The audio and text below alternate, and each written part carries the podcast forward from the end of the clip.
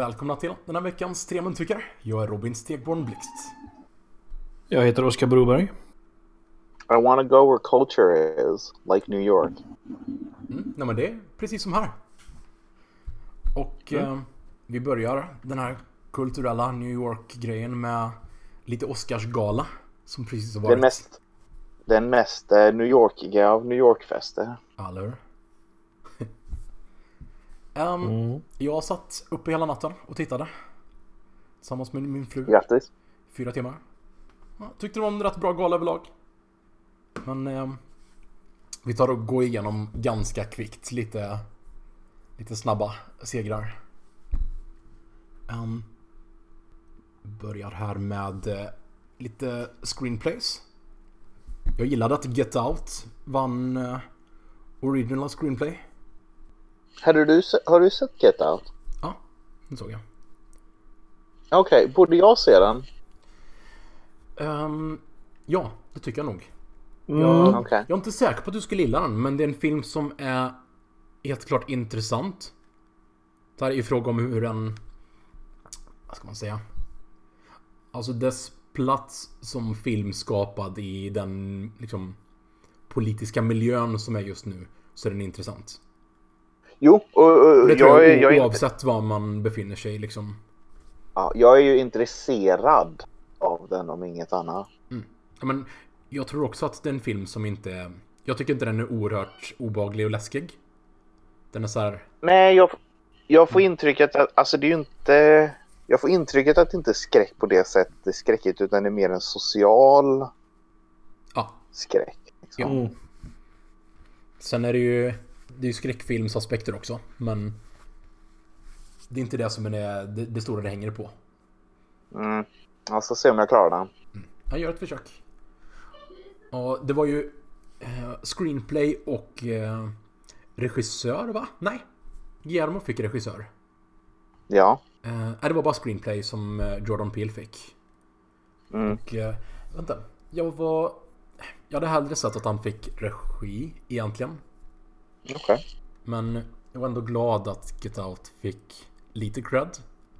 För den har en stor originalitet tycker jag. I hur den gör så här. Mm. Jo men det var väl förtjänt. Eh, absolut. Jag tycker att alltså, det finns en hel del plotthål i Get Out. Men samtidigt så är den skriven eh, väldigt otypiskt för skräckfilmsgenren. I det att den inte bara är den här dumma karaktärer i läskiga situationer. Nej. Utan den har liksom mycket mer grundad skräck. Vilket eh, gör att jag tycker ändå den förtjänar en, en vinst för skriptet. Mm. Um, Call Me By Your Name, Adapted Screenplay. Det var bara jag som hade sett den va? Ja, Den, det tror jag. I hela världen tror jag till och med. Ja, ja men precis. Jag tyckte det var en väldigt bra film som inte alls var för mig. Och det jag kände var egentligen att det som den borde ha vunnit var en um, skådespelarvinst för Army Hammer, om något. Mm. Det var... Om, om den skulle ha någon seger så tyckte jag det låg där. Och. Okej. och här... eh, Blade Runner 2049, Visual Effects och cinematografi. Deakins fick äntligen sin Oscar alltså. Mm. Det fick han. Ja. Det var på tiden. Jag tror faktiskt det var den eh, eh, kategorin som jag brydde mig mest om. För det var en sån där grej som om inte Deakins hade vunnit den då... Nej. Då hade alltihop varit Ja. fel bara. Ja. Nej, det nya Blade Runner är he- helt galet snygg. Mm. Nej men det sa väl jag i det avsnittet att jag tycker det var liksom Det var en ny nivå utav visuellt berättande som bara var så här Paradigmskifte liksom. Och Grejen är att... Det ska man ha cred för. Nej. Eh, jag vet inte. Jag antar att Phantom Thread var nominerad där.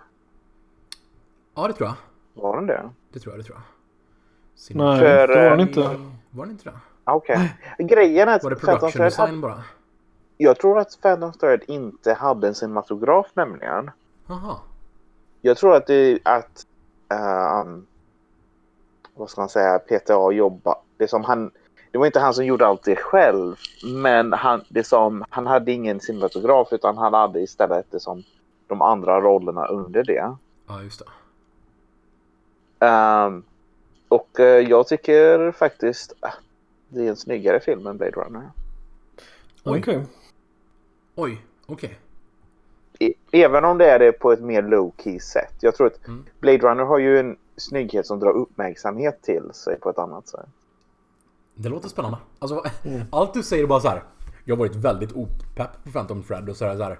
Det är hans bästa film och den är jättesnygg och bara... Ja, jag, jag tror det finns ett argument att Phantom Thread är den bästa filmen en- av en av de bästa filmskaparna i världen.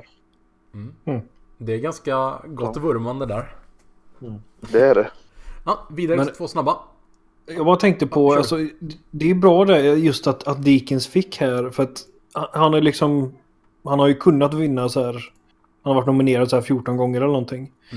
Eh, och det finns ju alltid en risk så här, att man tänker att ah, men nu måste han få en. Och så, och så får man någon för, för en film som inte är så här ens bästa verk. Ah? Men, men här så liksom så nailade han det perfekt och fick Oscar liksom.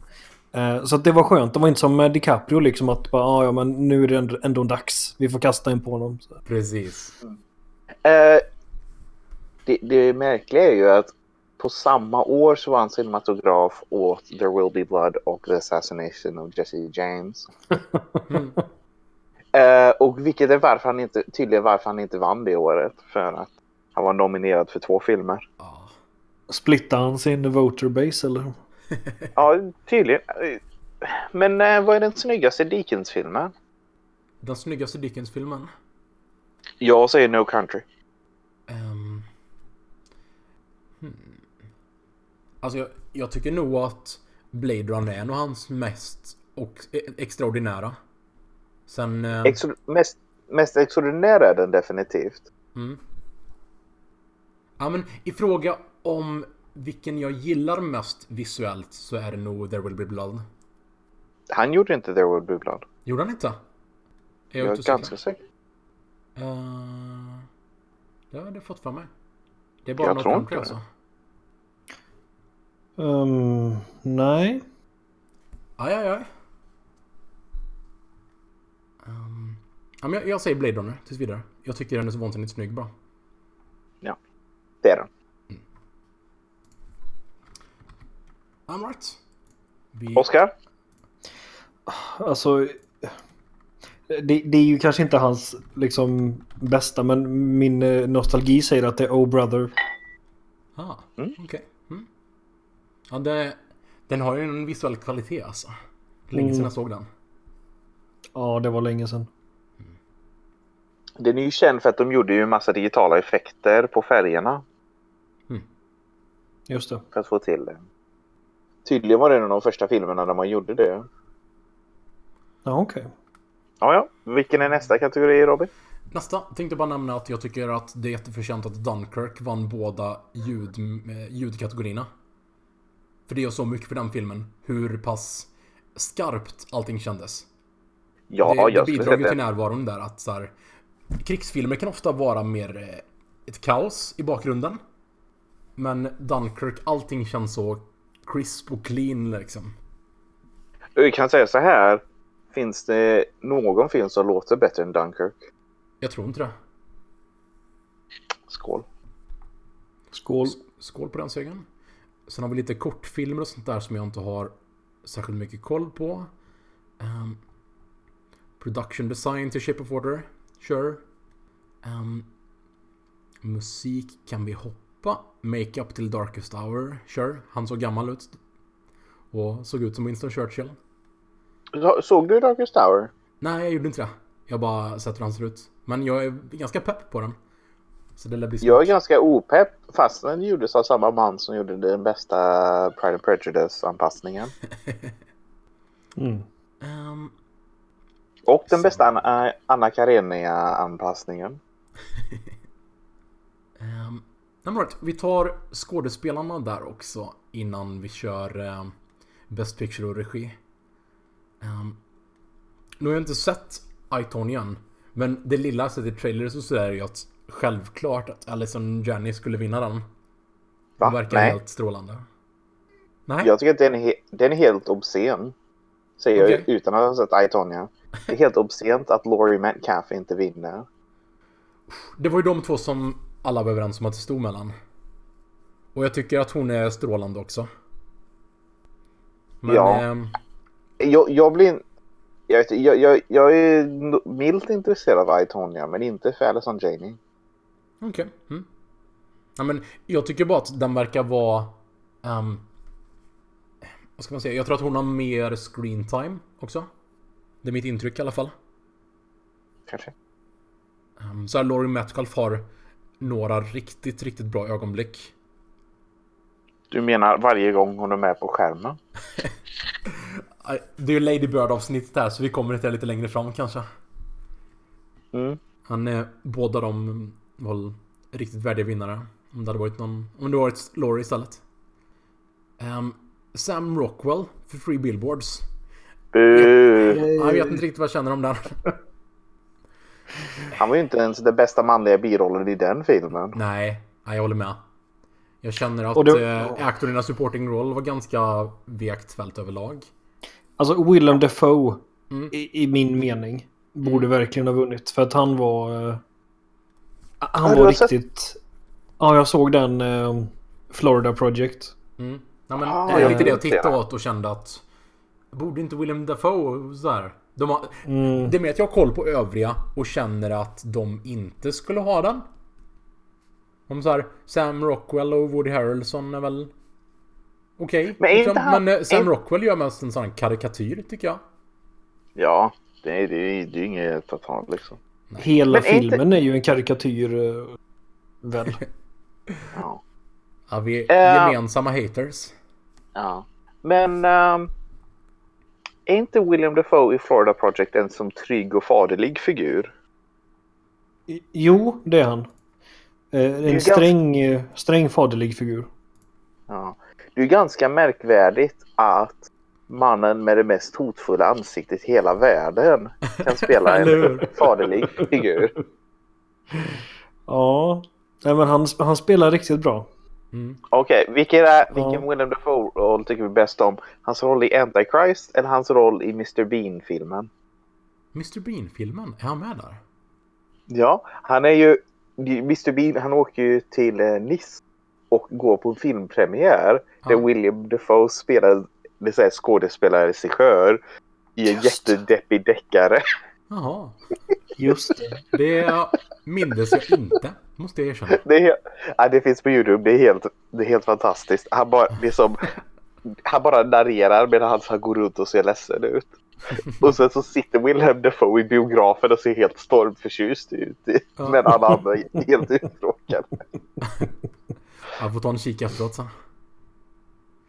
Eh, nästa har vi Actress in a leading role. Och eh, Frances McDormand vann den. Bu. Mm. Och instämmer i det buandet alltså. Ehm, jag tycker att så här, alltså hon gör det väl bra men jag känner att det inte är så mycket bredd där. Hon går mest omkring med den här badass stoneface. Alltså, ja, hon spelar rollen bra men det är ju bara en dålig karaktär liksom. Ja, ja, men jag känner att hon gör den så bra hon skulle kunna göra men karaktären gör inte att det finns Oscars material där, tycker jag. Ja, Kan vi ge, vi ger henne det för Fargo istället? Mm. Just det. Eh, Nej, Hon vann kanske för Fargo redan. jag tyckte att det var hennes första. Hon var säkert nominerad. Ja, kanske var. Vi får kolla Men... på detta. Uh, bu! Saoirse Ronan. Ooh. Saoirse Ronan borde ha vunnit. Så jag vet inte det alltså. Ah, Jo. Robin tycker fel. kommer åter till det alldeles strax. Så vi tar Mm. Jajamän. manlig skådespelare här. Och... Eh, jag har inte sett varken Phantom Thread eller Roman J. Israel Esquire. Men eh, ja, alla verkade ju rätt överens om att Gary Oldman hade gjort en fantastisk roll där så... Inte så mycket att invända. Nej. Ja, jag har Men, inte eh, sett honom. Alltså... Jag... Vad ska man säga? Jag tycker Daniel Day-Lewis... han är fantastisk på det sättet han alltid är fantastisk på. Mm. och jag tycker, och jag är, jag är inte jätteimponerad över när man spelar en stor dramatisk historisk figur. Mm. Men eh, okej. Okej, och bästa film vanns alltså utav Shape of Water. Och eh, Bu. här tänkte vi dra in lite, för jag såg den precis innan Oscarsgalan. Och tyckte faktiskt inte så mycket om den. Mm. Den... Eh, jag tyckte jättemycket om visionen. Och så här totalt outworldly idé. Och så här, den har verkligen eh, vissa kvaliteter där. Med det visuella och liksom um, Guillermos lilla världsbyggande. Men alltså hela berättelsen är väldigt dåligt byggd tycker jag. Det, liksom, det skapas aldrig någon intressant relation mellan eh, eh, Sally, Sally Hawkins karaktär och eh, vattenmonstret. Det blir bara att så här. Hon blir förälskad och vill ligga med vattenmonstret. Och det är liksom... Det är en så substanslös kärleksberättelse. Och filmen spenderar jättelite tid med den. Liksom... ehm, substansen i hur de faller för varandra. Det bara är så. Här, plotten kräver att de ska vara oerhört förälskade i varandra. Och eh, då är det bara så från början. Det skapas eller liksom... Det finns ingen process där i filmen. Och det är liksom... Då faller allting jätteplatt. Mm. Eh, Gjorde mig besviken. Um, för, vi- alltså, jag hade ju sett fram emot att ha väldigt mycket scener som var så här. ehm, när, mellan människan och en sån här humanoid monster. Som så här, Mm. underlig, konstig kärleksberättelse. Men filmen handlade nästan enbart om eh, konflikterna och hela grejen med Michael Shannons karaktär. Och om hur, om hur ondskefulla de vita männen är. Ja. Nej men, ja. Det, det, det gav så mycket plats till eh, hur de skulle krångla med honom. Och liksom... Jag hade bara velat ha mycket mer kött på kärleksberättelsen snarare än den här lite suspens thriller-delen och den här psykopatiska Shannon-karaktären. Mm. Balansen där Det är lite- helt fel. Det låter ju lite som eh, hur eh, missriktad Chappie var. Ja. Ja, väldigt mycket så. Här, Mm. bara Kan man ta totalt filmen? tagit fäste på, på fel fel ta aspekt filmens att hjäl- utveckla. När man tar filmens hjälte och gör honom till skurken.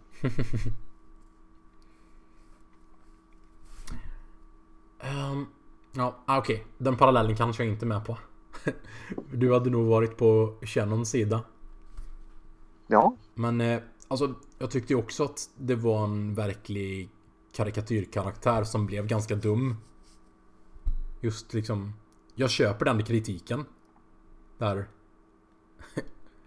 anti-white dude eh, karaktären som Mm. han är byggd som. Mm.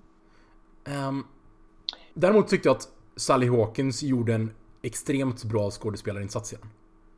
Hon gör jätte, liksom... Hela hennes kroppsspråk och allting i hur hon eh, som är så uttrycksfull. Utan att prata. Mm. Eh, och därför hade jag satt Sally Hawkins som eh, Actress-vinnare. Av det jag har sett. Ja, okej. Du, jag ändrat mig om Actress vinnare. Det borde Mm. gå till Vicky Krapps. Eller? Vem? Vicky Krapps. Vad är hon med? Phantom Thread. Aha, okej. Det är inte, det är inte många gånger man har en obskyr tysk skådespelerska med i en västerländsk film. Och hon utspelar Daniel Day-Lewis. Och bara associerade till eh, en utav dem som gick upp och tackade på galan. Det var någon Mm. tysk, eh, jag vet inte om han var...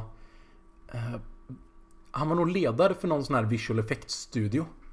Som gick Okej. upp och sa typ Thanks, great, go Germany! Eller något sånt där. Och sen sa han ingenting mer. Nej, nazisterna invaderar. Mm. Eller bara så här. Germany, great, thanks.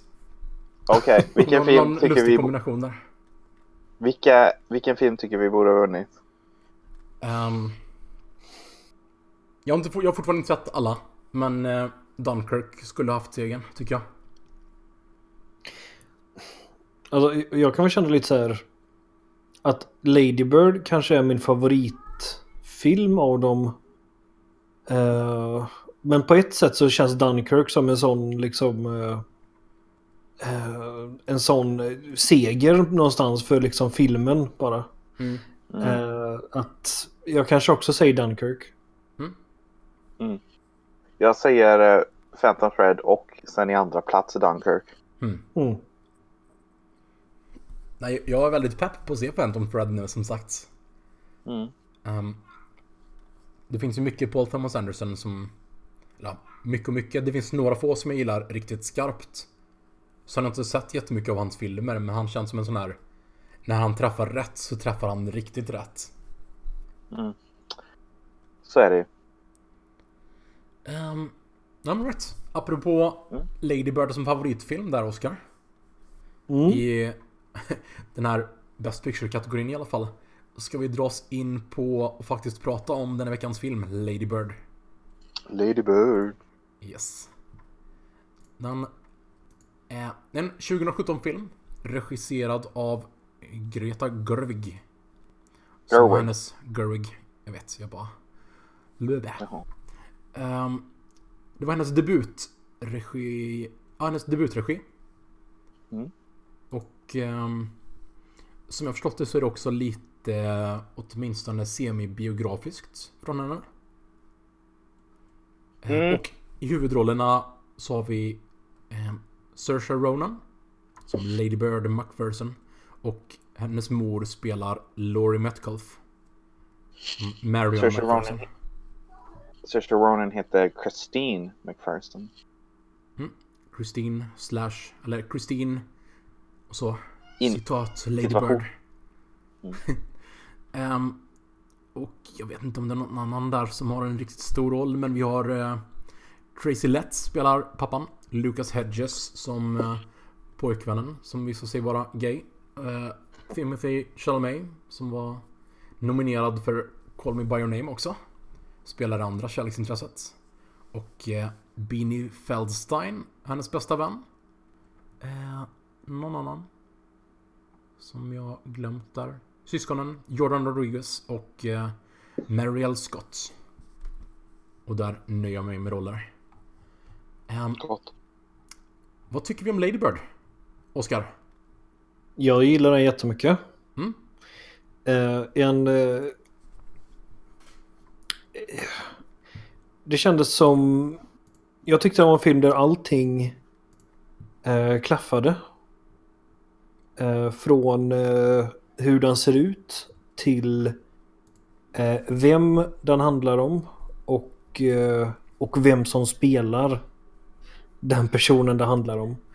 Eh, för Saoirse Ronan var ju jag, jag, jag, jag har svårt att se någon annan som det här skulle funka att göra. Mm. Eh, det, jag kände att allting klaffade här. Eh, manus, regi.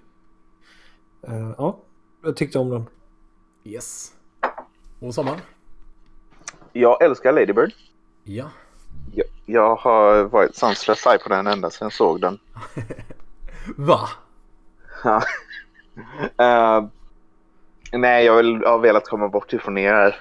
Ser, eh, gå ut i skogen där eh, författare bor. Mm. Ehm, nej, jag... ehm, jag älskar den och jag hade hört en del om den innan jag såg den. Mm. Som gjorde att jag hade väldigt höga förväntningar som den levde upp till. Och... Vad ska man säga? Filmens poäng Mm. som den når till. Jag hade, jag hade hört folk hinta på vad det var tidigare. Mm. Så jag såg hela filmen i det ljuset av den poängen. Just det. Och läste den poängen bakåt genom hela filmen. Mm. Eh, och jag hade kanske varit mer frustrerad med filmen om jag inte gjort det. Men den poängen är så bra. Den, vad ska man säga, det är någonting som uh, träffar mig så starkt. Och Mm. mina passioner. Ja. Ja, det, det vill jag gärna Ja. höra mer om. För det är också en sån här grej som kanske... eh, Det är möjligt att ha gått in med en sån hade gjort att jag gillade den mer. För jag älskade faktiskt inte Lady Bird. Och jag gick också in med stormhöga förväntningar. För det här är lite den typen av film som är så här väldigt mycket min, min ballpark. Men... Mm. eh, typ lite quirky. Um, tonårsdrama liksom. Jag kan Men- tycka jättemycket om den här typen av ganska små berättelser, familjeberättelser. Detta är lite inte här åt quirky. eh, estetikerhållet liksom. Jo, men detta är inte en quirky film. Det är en film som handlar om en quirky person. Mm. Ja men alltså det kan ju vara både och där. Quirky Ja, person men jag tror- eller att filmen är gjort som det. Men den, det... Men jag tycker att det är en väldigt viktig distinktion. Det här är en väldigt... Det här är ju en film som har... Som är väldigt klarsynt. Nej men... Eh, ehm, ska vi se om vi ska gå in på eran där först. Um, jag, vet, jag tyckte inte jättemycket om huvudpersonen här. Nej? Och inte på Det det, är där... poängen. eh, mm, ja, men det är också på det där sättet som är så här. Jag vet inte om den här sortens film, eh, när jag verkligen gillar det, är att tycka om huvudpersonen. Den här typen Mm. av film som är mer att ha ehm, det här exemplet som funkar mer som eh, hon är ute och cyklar och ganska bedrövlig. Det är liksom, Mm. det, det är inte riktigt lika mycket min kopp te. Nej. Men, eh, mm, ja, men innan jag går in på mer saker som jag inte tycker om så kan ni få växla varför det är eran kopp te. Men jag vill faktiskt äh, prata om just den här bedrövligheten. Mm. För jag tycker att bedrövligheten är en av de två sakerna som får filmen att funka. Och det är, och särskilt om man håller den här i kontrast med en film som Edge of 17. Mm. Det jag känner att huvudpersonen saknar den här bedrövligheten. Det är bara någon som det är som bara någon som låtsas vara konstig och annorlunda. Någon som låtsas vara opopulär. Medans det finns... Alltså jag, jag tycker att tonåringar är bedrövliga. Mm. Just för att de är, tonåringar är ofta så fruktansvärt egofokuserade liksom. Mm. Det är ju bara en del för hur hjär- ens hjärna är liksom att hela ens universum kretsar kring en själv. Ja. Och en viktig inslag i att växa upp är ju att bryta sig ur det. Mm. Och filmen börjar ju definitivt där. Att vad ska man säga, hon är genuint otrevlig mot människorna runt omkring sig. Hon är hemsk mot sina föräldrar och mot sina lärare. Och det, eller sånt, det är som när de hade den här eh, kvinnan på skolan som pratar om abort. Mm. Och hon säger till den kvinnan det som jag önskar att du vore död. Mm. Hon säger det som ett skämt liksom. Mm. Uh, och som hon inser inte liksom hur sårande det är. Hon bryr sig egentligen inte riktigt. Mm. Uh, hur hon behandlar sin mor och hur hon behandlar sin far. Och hon växer ju ur det. Eller vad ska man säga? Hon börjar ju växa ur det i filmen. Mm. Så jag känner att det växandet får... Det finns ju i och med att hon är så fruktansvärd så spelar det växandet en så stor roll. Mm. Så det är ju verkligen ett av de inslagen som funkar för mig. Innan vi går vidare till andra inslag känner jag att Alltså för att något sånt ska funka så riktigt bra för mig Så behöver de andra kvaliteterna i den personen vara någon som jag verkligen Någon som jag tycker om samtidigt som den har bedrövliga aspekter i personligheten. Om ni är vad jag menar. Mm. Så som jag Nej, kände alltså- mer i Edge of 17 exempelvis. Nej. Alltså det jag känner kring henne när jag, som när jag, när jag ser henne är att jag vill ju se henne bli räddad Mm. Från sig själv. Jag vill, jag vill se, alltså för jag tror att hon är ju en intressant person liksom. Mm. Men hon är ju, hon är ju fast i sitt tonårssjälv liksom. Och man vill ju se henne växa ur det för att bli för att kunna bli det som en fantastisk vuxen person. Mm. Och det är ju i det ljuset jag läser slutet. Och med slutet så menar jag framför allt när hon går in i kyrkan. Mm. För jag, jag, jag vill insistera på att det här är en väldigt katolsk film. Uh, inte bara i det är som att det, det, det, finns en katolsk bakgrund. För att hon ägnar aldrig riktigt någon uppmärksamhet åt det hemma i Kalifornien liksom. Mm. Det är ju bara bakgrund för henne. Det, det finns ingen riktig betydelse i det. Mm. Men det finns ju tre saker som händer när hon kommer till New York som signalerar en förändring där. Uh, och det första är att hon introducerar sig med sitt namn, Christine. Mm. Uh, vilket betyder ju helt enkelt kristen liksom. Det är hennes namn. Uh, och sen, det, det, är ju, det är ju både det och ett tecken på att hon växer upp, liksom. Att hon använder sitt riktiga namn och inte sitt påhittade tonårsnamn. Mm. Det andra tecknet på det är i den här samma fest där hon använder det här namnet och hon pratar med den här killen. Och hon frågar honom om han tror på Gud. Och det är Mm. klart att han inte gör det. men liksom att hon, kan inte föreställa sig varför man inte skulle kunna göra det. Mm. Eh, Ja, och det jag, sist- köper absolut den läsningen. Mm. Jag, jag Och- och- drog de vibbarna i slutet där också. Ja, och, och det sista är ju när hon går in i kyrkan. Och det är ju det, det, det, som, det är ju någonting som en... en här, jag satt ju och grät i biografen då. Mm. Och att... Och, och, jag, det jag känner är ju att hon som karaktär blir rörd djupet. Hon blir förändrad i det ögonblicket. Alla de andra små förändringarna bygger upp den här stora förändringen där hon har ett genuint möte med det transcendenta, med Gud.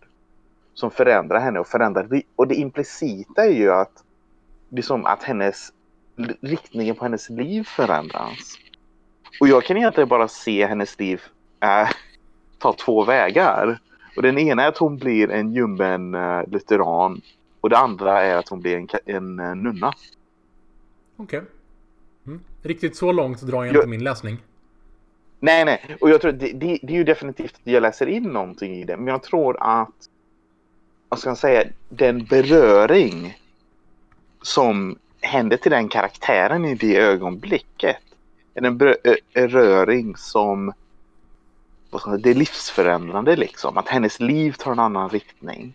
Och vad ska man säga, att den bedrövligheten som var i henne blir räddad genom det. All right. Ja. Och det är så Ja, jag läser eh, filmen. Ja, det kan jag verkligen se att det är precis vad som faller rätt hos dig. Så här. Mm. Mm. O- Oscar?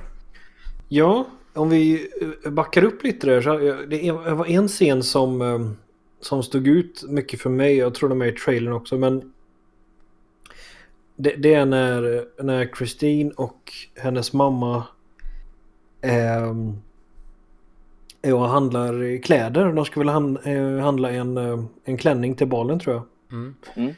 Eh, och de, de tjafsar och bråkar och eh, kommer inte överens om någonting. Mm. Eh, men, men helt plötsligt så hittar eh, mamman en, eh, en fin klänning. Mm. Eh, och båda liksom faller tillbaka i, i... Jag vet inte om det liksom är deras tidigare relation.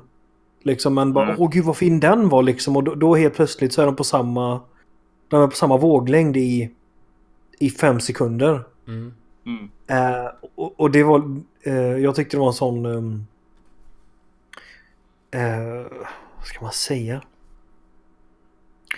Det var ett väldigt fint sätt att liksom visa där liksom hur det kanske har varit. Eller hur det kan vara. Eh, men liksom hur långt ifrån de är. Eh, det här att kunna överhuvudtaget prata med varandra egentligen. Eh, men där i fem sekunder, det är en sån lättnad liksom lite grann. I, eh, det pyser lite i ventilen. Ja, och det är väldigt viktigt Eh. att det finns några sådana ögonblick. Mm. Mm. Eh, och och, och det, liksom, jag identifierar mig mycket liksom. För att jag har en dotter liksom. Hon är ju inte så gammal såklart. Men, eh, men liksom det här med hur, hur barnen växer upp. Och hur förhållandet förändras mellan förälder och barn. Och, och, så och det, det talade också mycket till mig genom hela filmen. Mm. Eh, och liksom hur eh, mamman och pappan var ju väldigt olika som, som personer. Liksom pappan var lite medlare däremellan. Och, ehm, Mm. det, var, det var mycket sånt som jag tog med mig eh, Mm. från, från Lady Bird. Ja, Jag vill säga att det är de aspekterna som jag gillade mest. För det, alltså, det var en film som jag tyckte om, men så här ganska ljummet tyckte om.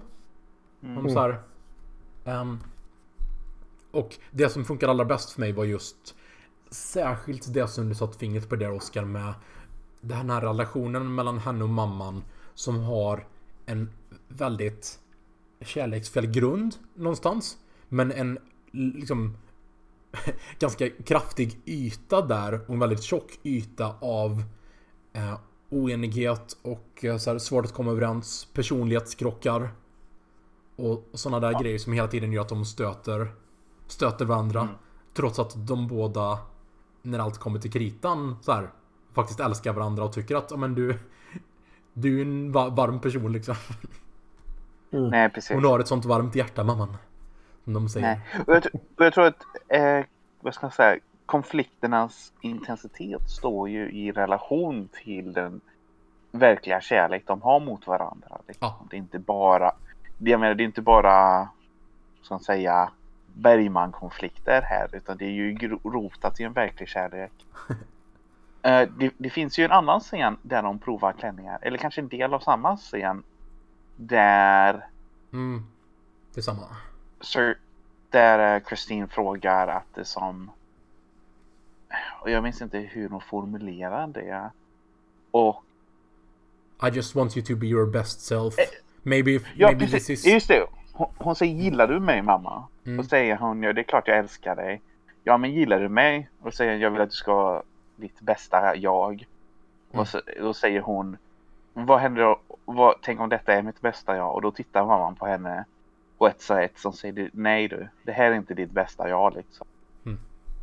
Mm. Eh, och, det är en, och jag tror att det är en sak som formulerar, alltså det här är ju inte en film för tonåringar, det är ju en film om tonåringar. Ja. En film om tonåringar handlar ju om att du, du är egentligen ditt bästa jag, liksom att de andra måste komma med på noterna. Liksom.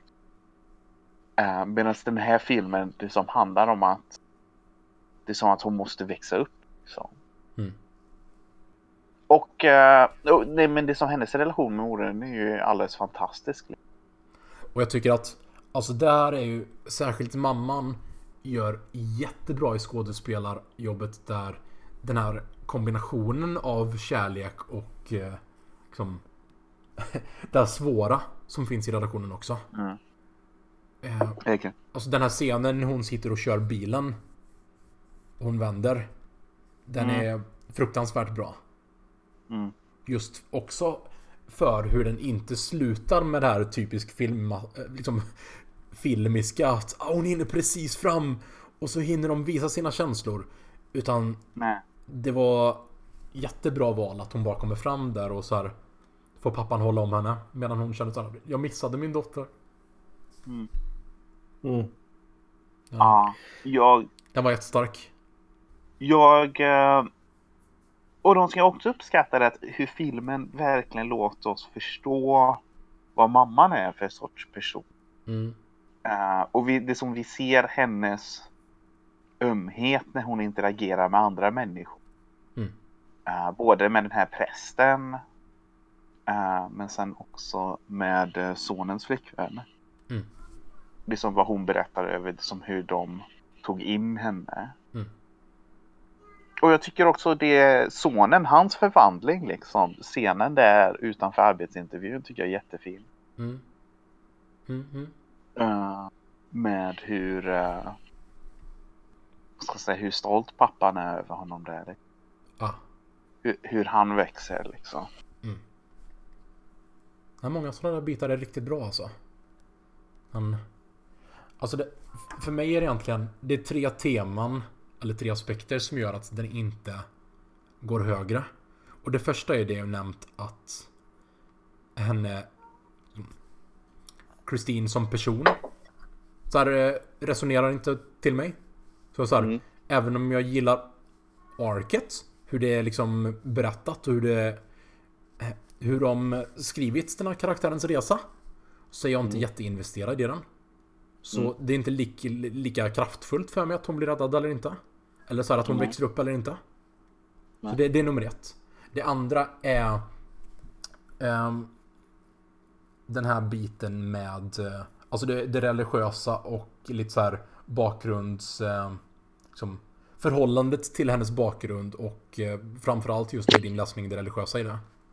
Mm. Den är också så här välgjort men ingenting som så särskilt starkt landar hos mig. Nej. Mm. Jag undrar om det också så här eh, finns lite en eh, amerikanskhet där som går förbi. Som så här bara... En vad? Am- amerikanskhet i att så här ha lite liksom ehm, kännedom med typ California. Lite den typen av amerikansk vad är det, småstad? Jag vet inte riktigt hur. Nej, jag har aldrig varit i Sacramento men det är ju... Nej, jag tänker inte specifikt där utan mer så här. ehm, det finns en... Um, någonting som är lite en lokal aspekt som jag känner är lite bortom mig.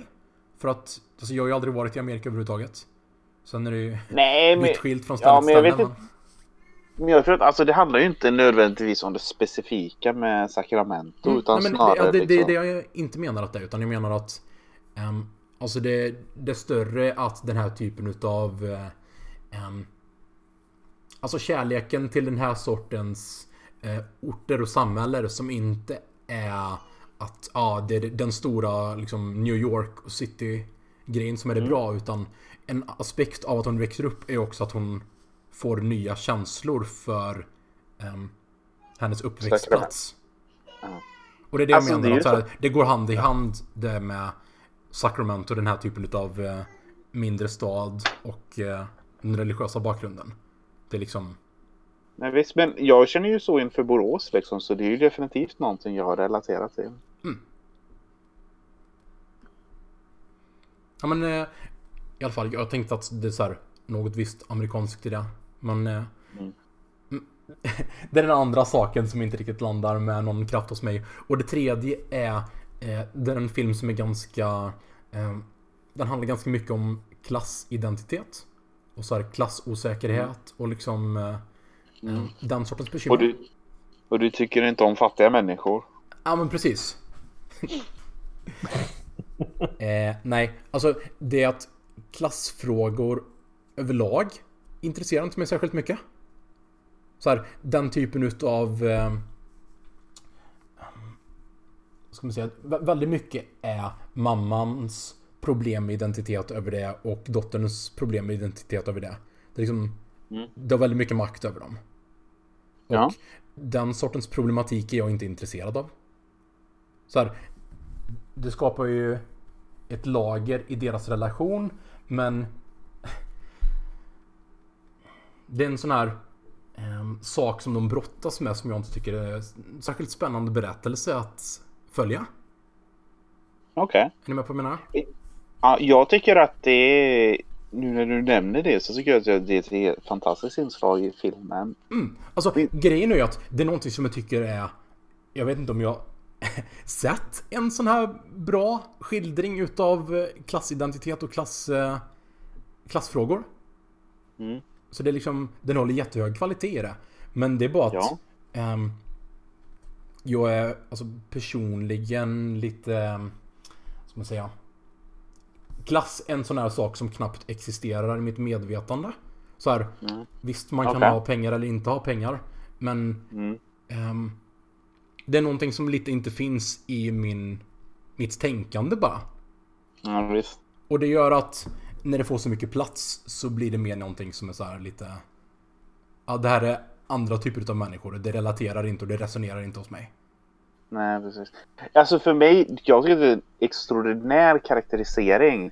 Eh, Och av alla saker så Verkligen. är det hur mamman reagerar på hur eh, Christine behandlar sina kläder. Nej, Det jag är är, det. jag är jätteförtjust i det hantverksmässigt. Mm. Så här, på, på Okej. lite den här nivån som gör att jag tycker inte så mycket om filmen så mycket som jag tycker om... Eh, Men det, det finns vissa filmer som gör så här. Jag tycker att den här regissören och den här liksom laget och gruppen som har skapat det här verket har gjort någonting riktigt bra. Även Mm. om det inte är någonting som faller in och eh, liksom får min kärlek. Det är väl så jag, jag kände om Moonlight. Mm, Eller vi alla kände väl så om Moonlight. Ja, det tror jag. Just Och du är lite på samma tåg också. också så. Ja, nej men absolut. Jag tyckte den här filmen också var väldigt rolig. Jag tycker särskilt skämtet Don't be a Republican var roligt. Kändes tidstypiskt. Alltså, den hade en hel del riktigt bra skämt. Samtidigt så tycker jag att det är många ehm, scener som har en viss humoristisk twist som egentligen inte är roliga. Om ni förstår vad jag menar? Okej. Ehm, Nej. det finns lite en eh, typ humoristisk dialog som har ett mörker under sig. Som är lite de här liksom, Mm. bedrövligheterna och... ehm, typ, det var många scener som plockades upp under Oscarsgalan. Som typ den här What is this is the best me dialogen liksom. Ja. Så var det många som skrattade ordentligt åt det. Va? Det, liksom, det är det jag menar att det är så här. Mycket Ja, det av det som så här, många skulle läsa som komedi tycker jag inte är komedi. ja, det tycker jag är en jättekonstig läsning att se det som komedi. Ja. Liksom. Jag tycker egentligen inte att det är en komedifilm. Jag tycker att det är en dramafilm som har några skämt här och där. Ja, det håller jag med. Men eh, officiellt och liksom i allmänt medvetande så klassas det som en komedifilm. Och jag tror att det är många som skrattade mycket mer åt den här filmen än vad jag personligen gjorde och personligen tycker att man ska göra. Det, det finns folk som tycker att Your Sister's Sister är en komedifilm. Mm. Uh, Är, det du, är det du Oscar? Nej. Ehm, jag minns... Det var länge sedan jag... Jag minns inte om jag var på podden eller inte. Vi hade en diskussion om uh, Schindler's list. Mm. Och då tyckte jag att filmens största estetiska begränsning är att man aldrig tycker illa om Schindler och att man inte riktigt känner ett behov av upprättelse hos honom. Mm, men det känner jag. Jag vet inte om det är ett avsnitt eller inte. Nej. Men jag tycker i alla fall att Schindler's list, jag tror att det är vad som håller Schindler's till, list tillbaks. Eller liksom, det är en väldigt bra film, men vad det hade fått vara från liksom great, liksom. Ja. En all time. Um, och det, jag, jag känner att det, som den här filmen har ju inte det problemet liksom. Mm. Nej, men jag tror att det också...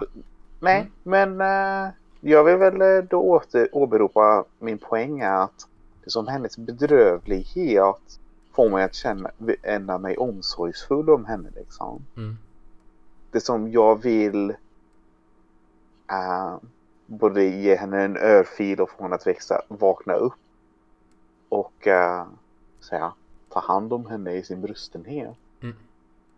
Och jag hade varit fruktansvärt frustrerad. Jag hade, tyckt, jag hade haft väldigt svårt filmen om den hade bara, om hon hade bara, ska man säga, om, om det inte hade varit någon eh, väg mot helande i henne på slutet. Mm. Om hon bara dragit iväg mot nya äventyr. Precis. Och, och det som om hon hade det som åkt till New York och blivit en odräglig estettjej där istället. Mm. Det som en odräglig estettjej med utbildning istället. Mm. Eh, istället för en odräglig estettjej utan utbildning. Nej, En sista sak som jag vill nämna innan vi går på betygen är ehm, Du tyckte att hon skulle ha skådespelerska Oscarspriset? Jag ändrade mig. Mm. Jag ändrade till, mig. till Fanfred. skepp ska få det. Men alltså det jag menar är att Jag vet inte om jag tycker att hon är liksom så oerhört bra i den här. Hon är liksom lite samma sak att hon gör allt vad som går att göra med rollen. Men Jag vet inte, jag tycker precis som med eh, Three Billboards så är det här inte en roll som bara wow vilken vilken prestation på den nivån som jag känner från mammans karaktär. För jag känner att Christine här är mer en... eh, Det är ganska mycket eh, liksom... standard tonåring. Med så här vissa, vissa quirks Ja. liksom. Och jag tycker att hon gör den bra. Det är bara så här. s- det är särskilt inga specifika scener när jag bara sådär wow, vilken, vilken skådespelargrej hon gjorde där. Mm. Jag får inte så mycket sådana vibbar alls, även om allting håller hög kvalitet liksom. Nej. Och jag Jag att kände mer så för eh, Brooklyn. Att hon hade liksom högre hö höjdpunkter där. Ja, ja, det kan jag hålla med om. Eh, och jag tror det som eh, mamman har ju en köttigare roll. Mm. Eller mamman är en köttigare roll. Mm. Ehm, men ehm, jag tycker att hon är extraordinär i detta. Mm. Jag ska säga att jag aldrig sett en tonåring spela så väl. Okej. Okej, Föru- förutom i Boyhood. ja. om, om vi inte har något att tillägga där. Så vill jag säga att jag tyckte det var väldigt lustigt med när man hörde hennes riktiga dialekt på Oscarsgalan. För hon pratar ju jätte... Ganska grov, visst är det irländska va? Ja. Mm. Och det var verkligen... Oj! Var min reaktion. Ja, det, hon, eh, hon kan dialekterna. Mm. Uh, jag, det är ju värt att eh, ta upp att eh, om, eh, jag vet inte, om, vad ska man säga, mer, uh, så att säga, kvinnor ska göra filmer i Hollywood. Om det blir så här bra så är jag nöjd med det. Mm. Mm. Så, Ja, Den, här, den här kvalitetsnivån. Heja, heja. Och så bara någonting som är mer... mer det som, lättillgänglig, lättillgängligt för pojkar som Robin. ja, ja, men precis. Jag vill eh, gärna att... Alltså hade hon slått med sköld? Mm. Jag skulle nästan tipsa Mm. Greta Gerwig om det till Du nästa får film. skicka ett... Ja, du, du, fråga om hon kan göra henne lite mindre moraliskt komplicerad. Mm. Det kanske, hon kanske blir populärare då.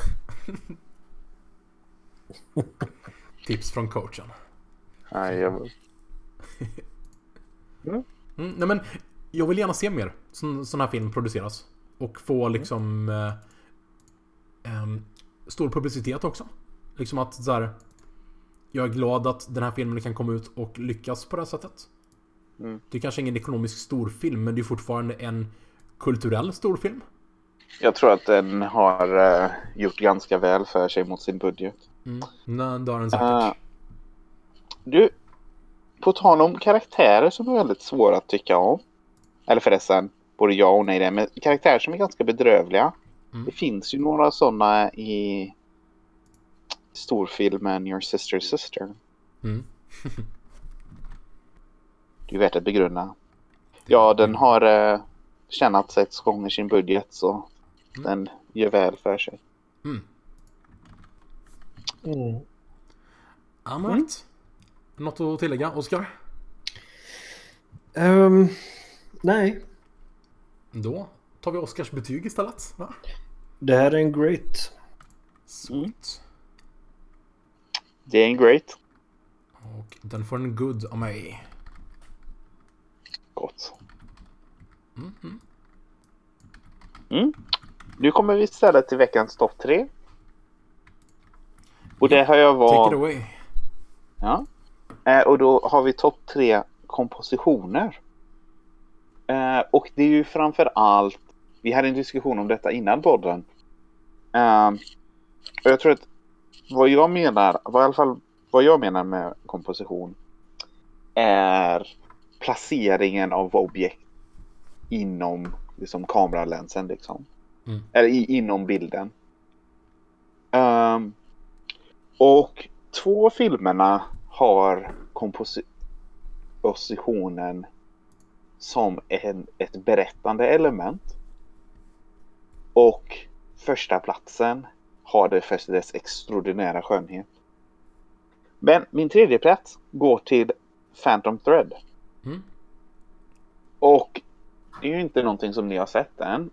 Eh, och det är egentligen inte särskilt spoilerigt att berätta. Det är en grej kanske halvvägs genom filmen. Och kontexten är att det är ju en film som handlar om en kille som gör klänningar. Och han höll på att göra en bröllopsklänning till en högprestigekund. Och sen så hade den gått sönder och han hade blivit sjuk. Så resten av de som jobbar på i skrädderiet tar och spenderar hela natten med att fixa den. Sen på morgonen så kommer han ner och det här scenen är så går han ner i foajén där klänningen står. Och den står till det som ena sidan. Och när bilden börjar, du som tittande ut över ett rum, Mm. så står klänningen till en sida. Men ändå, det är som den är ändå i fokus för bilden. Bilden handlar om klänningen liksom. Mm. Och han går och tittar på den lite grann. Men sen så går han till en soffa som sitter längre bak. Och på soffan så är, ligger det en massa tyg. Och kameran börjar röra sig sakta mot soffan. Och när den rör sig så ser vi att det är ett par fötter som sticker fram. Och att då Vicky Krebs, som är Daniel Day-Lewis's musa. Hon ligger på soffan och sover under ett täcke. Mm. Och han sätter sig bredvid henne. Eh, och de börjar prata. Och det är liksom en vändpunkt i deras relation. Och vad som händer är att kameran zoomar in mot dem. Så den börjar med att ha hela rummet och klänningen. Men den zoomar och under samtalet så försvinner klänningen ur bilden. Och den fokuserar Mm. bara på de två. Mm. Och det är liksom ett sätt att signalera att hon har nu blivit en mycket viktigare del i hans liv. Mm. Mm. Det låter Så det är bra. min tredje plats. Yes. Yes. Mm. Oscar? Ja. Ja, eh, det här var ingen lätt lista. Nej, verkligen Eh. inte. eh, För det finns så mycket att välja på. Ja.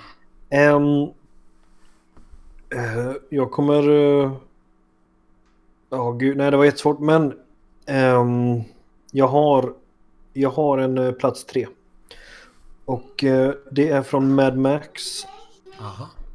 Fury Road.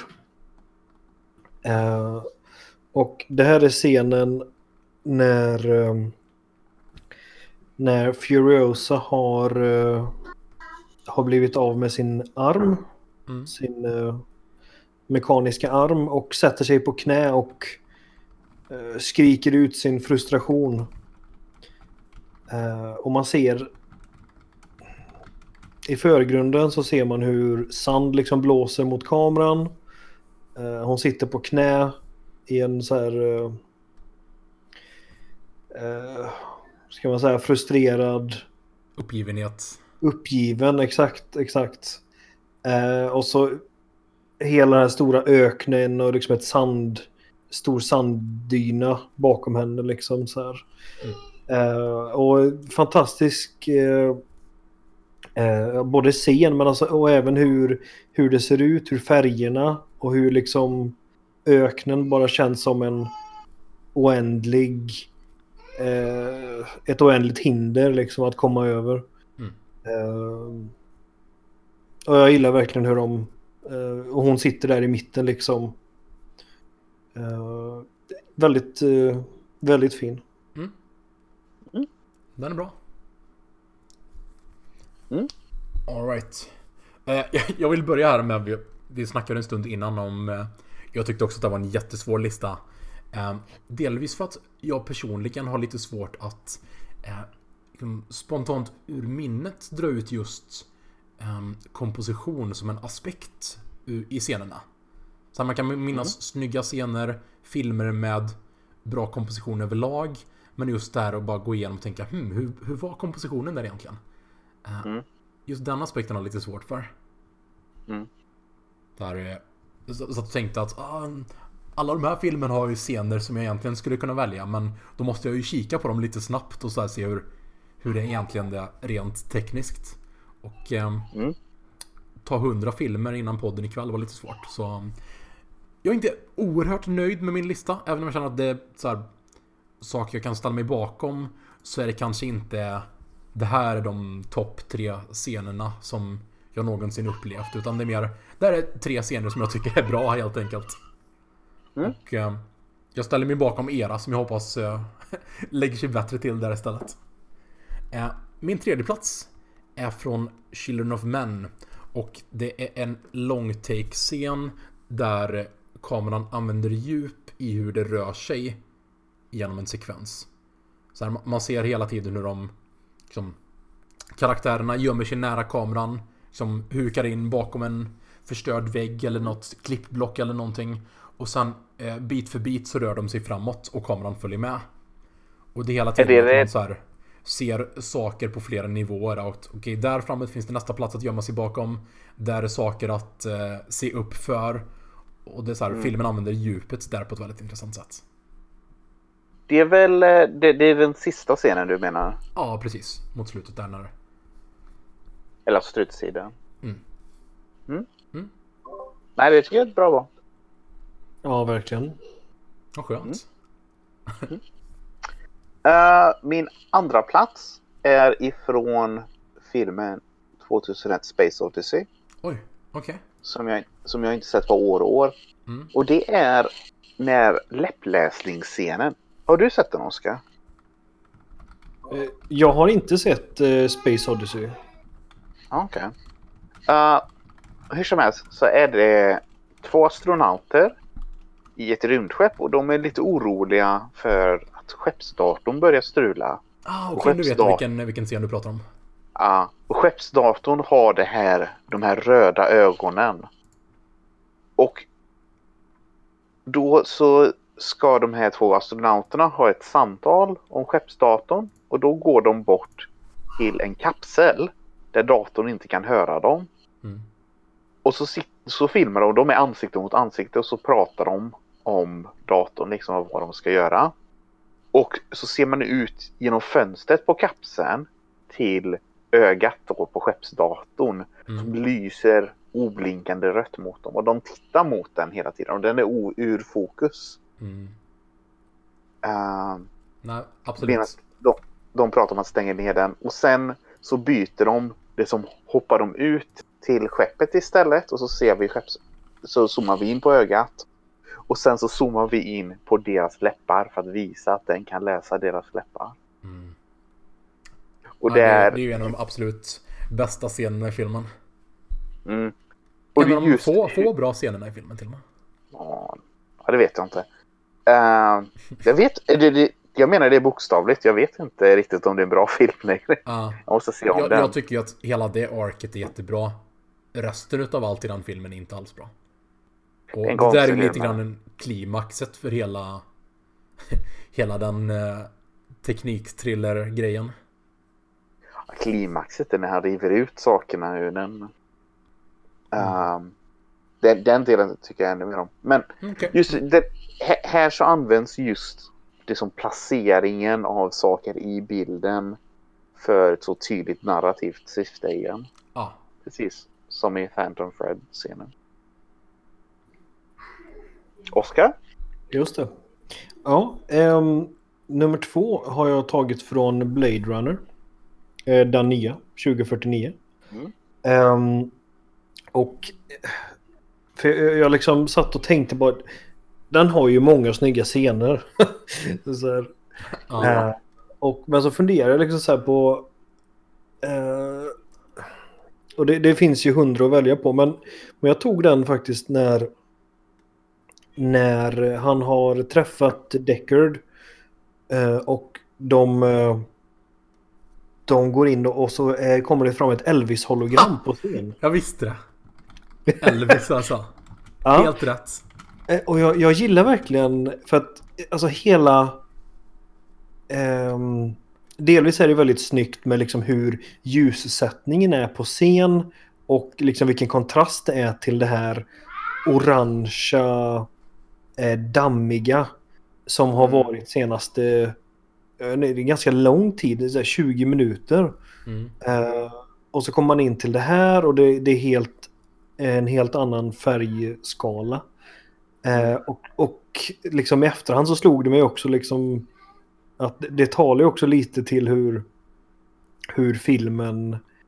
Eh, eh, vad, vad heter han nu, huvudpersonen? Eh, Joe. Joe, just det. Eh, liksom det här att han, han inbillar sig att han själv är, är i centrum. Liksom att alla lampor kommer lysa på honom för att han är den utvalda. Liksom, så här. Eh, och, eh, och, och sen det här kaoset som liksom utbryter eh, kring Elvis-hologrammet. Mm. Eh, underbar scen och liksom hur kompositionen är med... Alltså jag tycker ljussättningen gör väldigt mycket i den scenen. Ja, verkligen där strålande in och ut ur bild. Mm, När det dy- dyker upp, kommer in igen. precis. Är helt Mm. med på det valet. Mm. Alright, Elvis från Blade Runner. Yes. Min andra plats. Ah, Jag vet inte. Jag, min, andra plats är introscenen från Batman v Superman. Där man följer Bruce Wayne som tar sig in i den här katastrofhändelsen som följer från Man of Steel. Och Mm. jag gillar hur det liksom vinklas på ett sätt som em, man har redan sett det på ett helt annat sätt. Och nu är man helt plötsligt mitt ibland det. Från nere bland liksom, byggnader som faller ihop och liksom, byggnadsdamm och det här kaoset. Och Mm. eh, energin som skapas genom hur han är i bild och man har en kamera som tittar upp mot eh, de här eh, supervarelserna som flyger upp i bakgrunden. Eh, jag gillar eh, känslan som byggs där av de här lilla, eh, vad ska man kalla dem för? Ehm, inte, inte svaga utan eh, alltså de här ömtåliga människorna där nere på marken liksom. Det ger verkligen en sån här intressant känsla för Bruce Wayne. Mm. Och mm, hela den scenen, jag gillar hur den, den sätter en ton. Lager med bakgrunden, höga byggnaderna och eh, bra vinklar. Den är snygg. Right. Har vi första platser? Yes, vi har första satsen. Och det Mm. är det är en, vad ska man säga, scen ur en av de bästa filmerna någonsin som inspirerade detta. Mm. Liksom hela listan finns där på grund av den här filmen. Kan ni gissa vilken? Okej, jag säger... eh, Nej, nej, jag vill avvakta. För jag vill veta om det är samma som jag har valt. Så jag låter Oskar bara vara en gissande karl. Eh, alltså, liksom... Det skulle ju kunna vara Zero Dark. Eh, men jag, jag tror inte det, så jag gissar att det inte är Zero Dark. Ja, det har, det har ni rätt i. Zero Dark, Zero Dark är en extraordinärt vacker film. Men eh, det kom inga särskilda kompositioner till minnes där. Nej. Eh, den här... Så att den här filmskaparen, han ville ta och liksom, ta mycket av inspiration ifrån tavlor som gjordes under tiden då filmen utspelar sig. Och det extraordinära är att han gör då liksom kamerakompositioner som hade kunnat liksom rankat med den tidens allra bästa tavlor. Just det. Det är första Captain America-filmen alltså. Ja, precis. Eh, och det är eh, Barry Lyndon. Ah, mm. Det finns ju både... Det finns ju många vackra tavlor i filmen men det finns väldigt många scener som är som film. Och den snyggaste av alla det är scenen där eh, hans uh, svärson Mm. kommer för att utmana honom på duellen. Och så han kommer fram till foajén i huset och introducerar sig själv och går in och kameran följer honom baklänges tills han ser då Barry och så vänder kameran då mot Barry. Mm. Och så sitter han i mitten av det här rummet och det är som de tomma flaskorna omkring, ljuset som kommer in från vänster och de sovande människorna i stolarna runt omkring honom och som spelar kort och så. Mm. Och de är alla så varsamt och perfekt placerade. Det är helt extraordinärt. Jag blir bara överväldigad när jag ser den. Den är så oerhört vacker. Nej, det, Och det det är ju faktiskt. Och det det är ju stunderna som verkligen... jag gillar. Det är Barry Lyndon jämfört med Mm. resten. Mm. Och det är ju ett väldigt konstigt sätt att göra film. Mm. Att komponera en bild som en tavla. Men det är någonting som passar. Det, det är som formen passar den miljön så väl. Mm. Eh, och eh, jag, jag menar jag älskar allt med den scenen. Eh, och jag älskar duellen som kommer efter.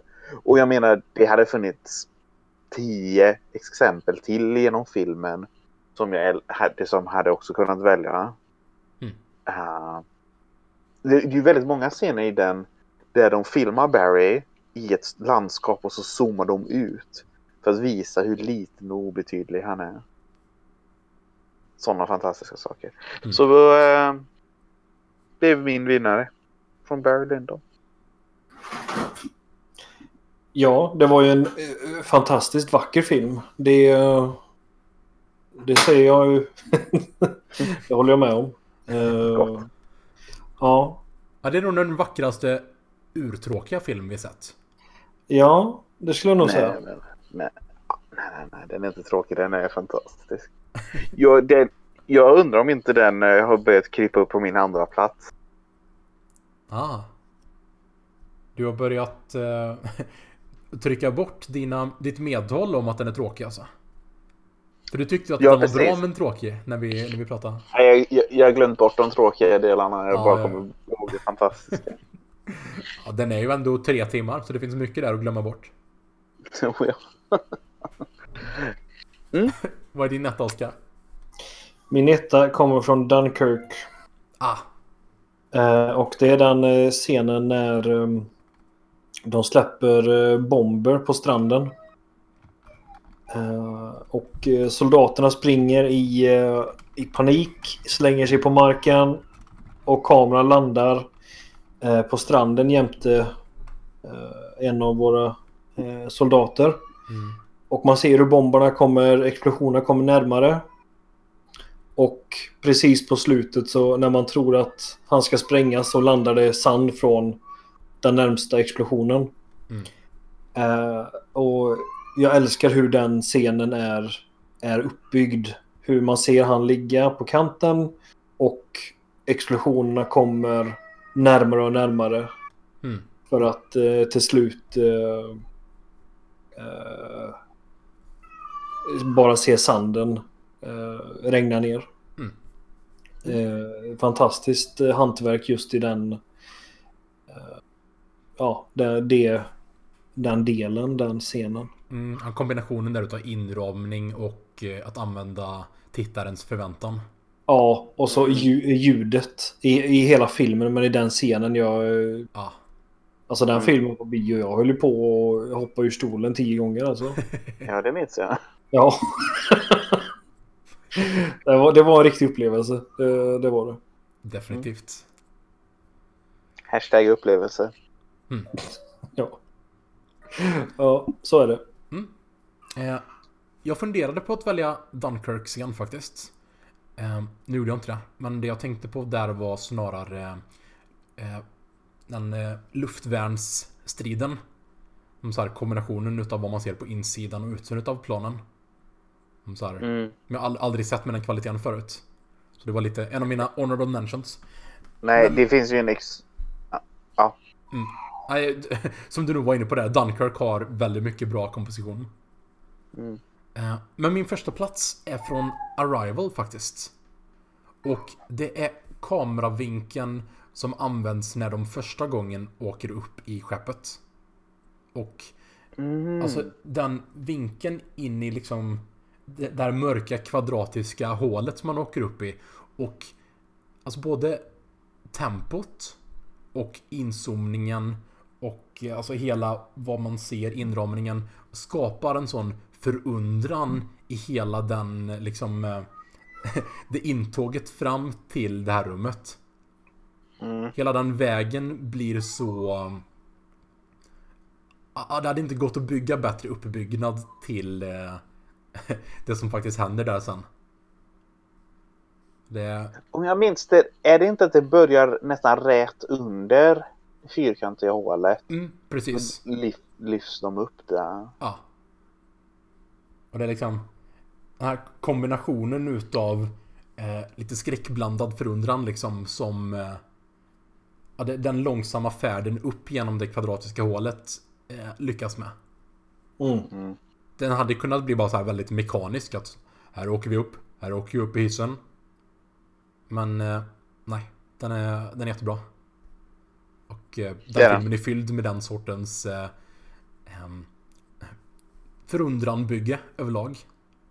Mm. Men eh, det är en av dem som eh, liksom kraftigast eh, stannat kvar hos mig. Mm. All right. Gott. Mm. Har vi några honorable mentions? Eh, hade jag någon mer? Dunkirk var ju en. Ehm, Dunkirk i slutet när han eldar upp sitt flygplan var ju också en eh, riktigt eh, vacker bild. Det, det är det sannerligen. Mm. Jag, tog, jag tog och lyssnade om till den, det som lyssnade på slutscenen för att jag vill höra det som det talet där. Ja. Och eh, det gjordes väldigt väl. Eh, min honorable mention är från Hail Caesar. mm. Och eh, det är ju scenen där eh, Josh Brolin går till korset. Mm. Jag har ju pratat, jag, jag har ju pratat om den förr. Ja, men om, om hur kulissen är falsk. Eller så, för man ser kanterna på den här kulissen liksom. Mm. Men korset i mitten är riktigt liksom. Mm. Och då är det just kompositionen som berättar det liksom. Ja, fair enough. Men, Just jag, jag minns inte den exakta känslan där, men... Uh, Hail Caesar är en film man borde se om. Det är en bra film. Det är en bra film. Oerhört En film som underskattad är film. bättre. En film som är bättre än Shape of Water. Ja, det tycker jag nog. Eh, Okej, Mm. jag har en tveksam honorable mention som jag så här. Är det... Ja. Är det... um, komposition liksom. Och det är introt till The Dark Knight. Med clownmaskerna.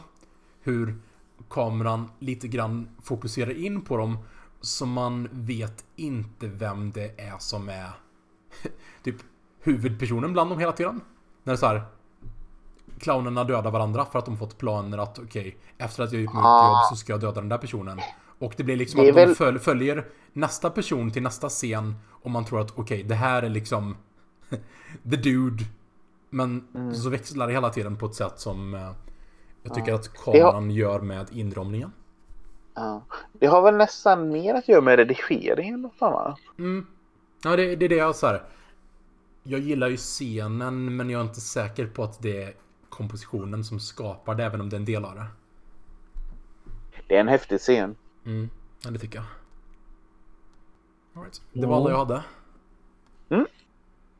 Vilken topp tre-lista ska vi ha nästa gång? Oscar.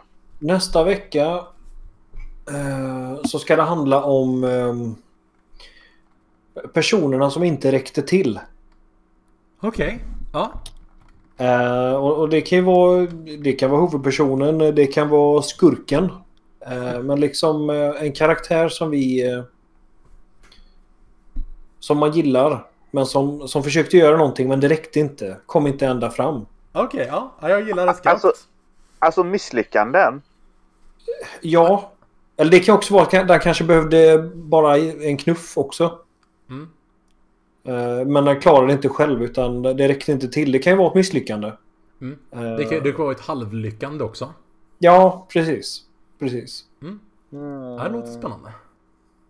Okej, ja. Mm. Och Yes. vilken är nästa veckas film? Eh, Nästa veckas film är Phantom Thread. Oh, Fint. nice. Phantom Thread 2017. Nej, JK. Nästa veckas film är Three Billboards Outside Ebbing, Missouri. Dumheter. Jag skojar. JK igen. Det var egentligen Phantom Thread. Det är plot twist. JK, vi ska kolla på Therese. Oh.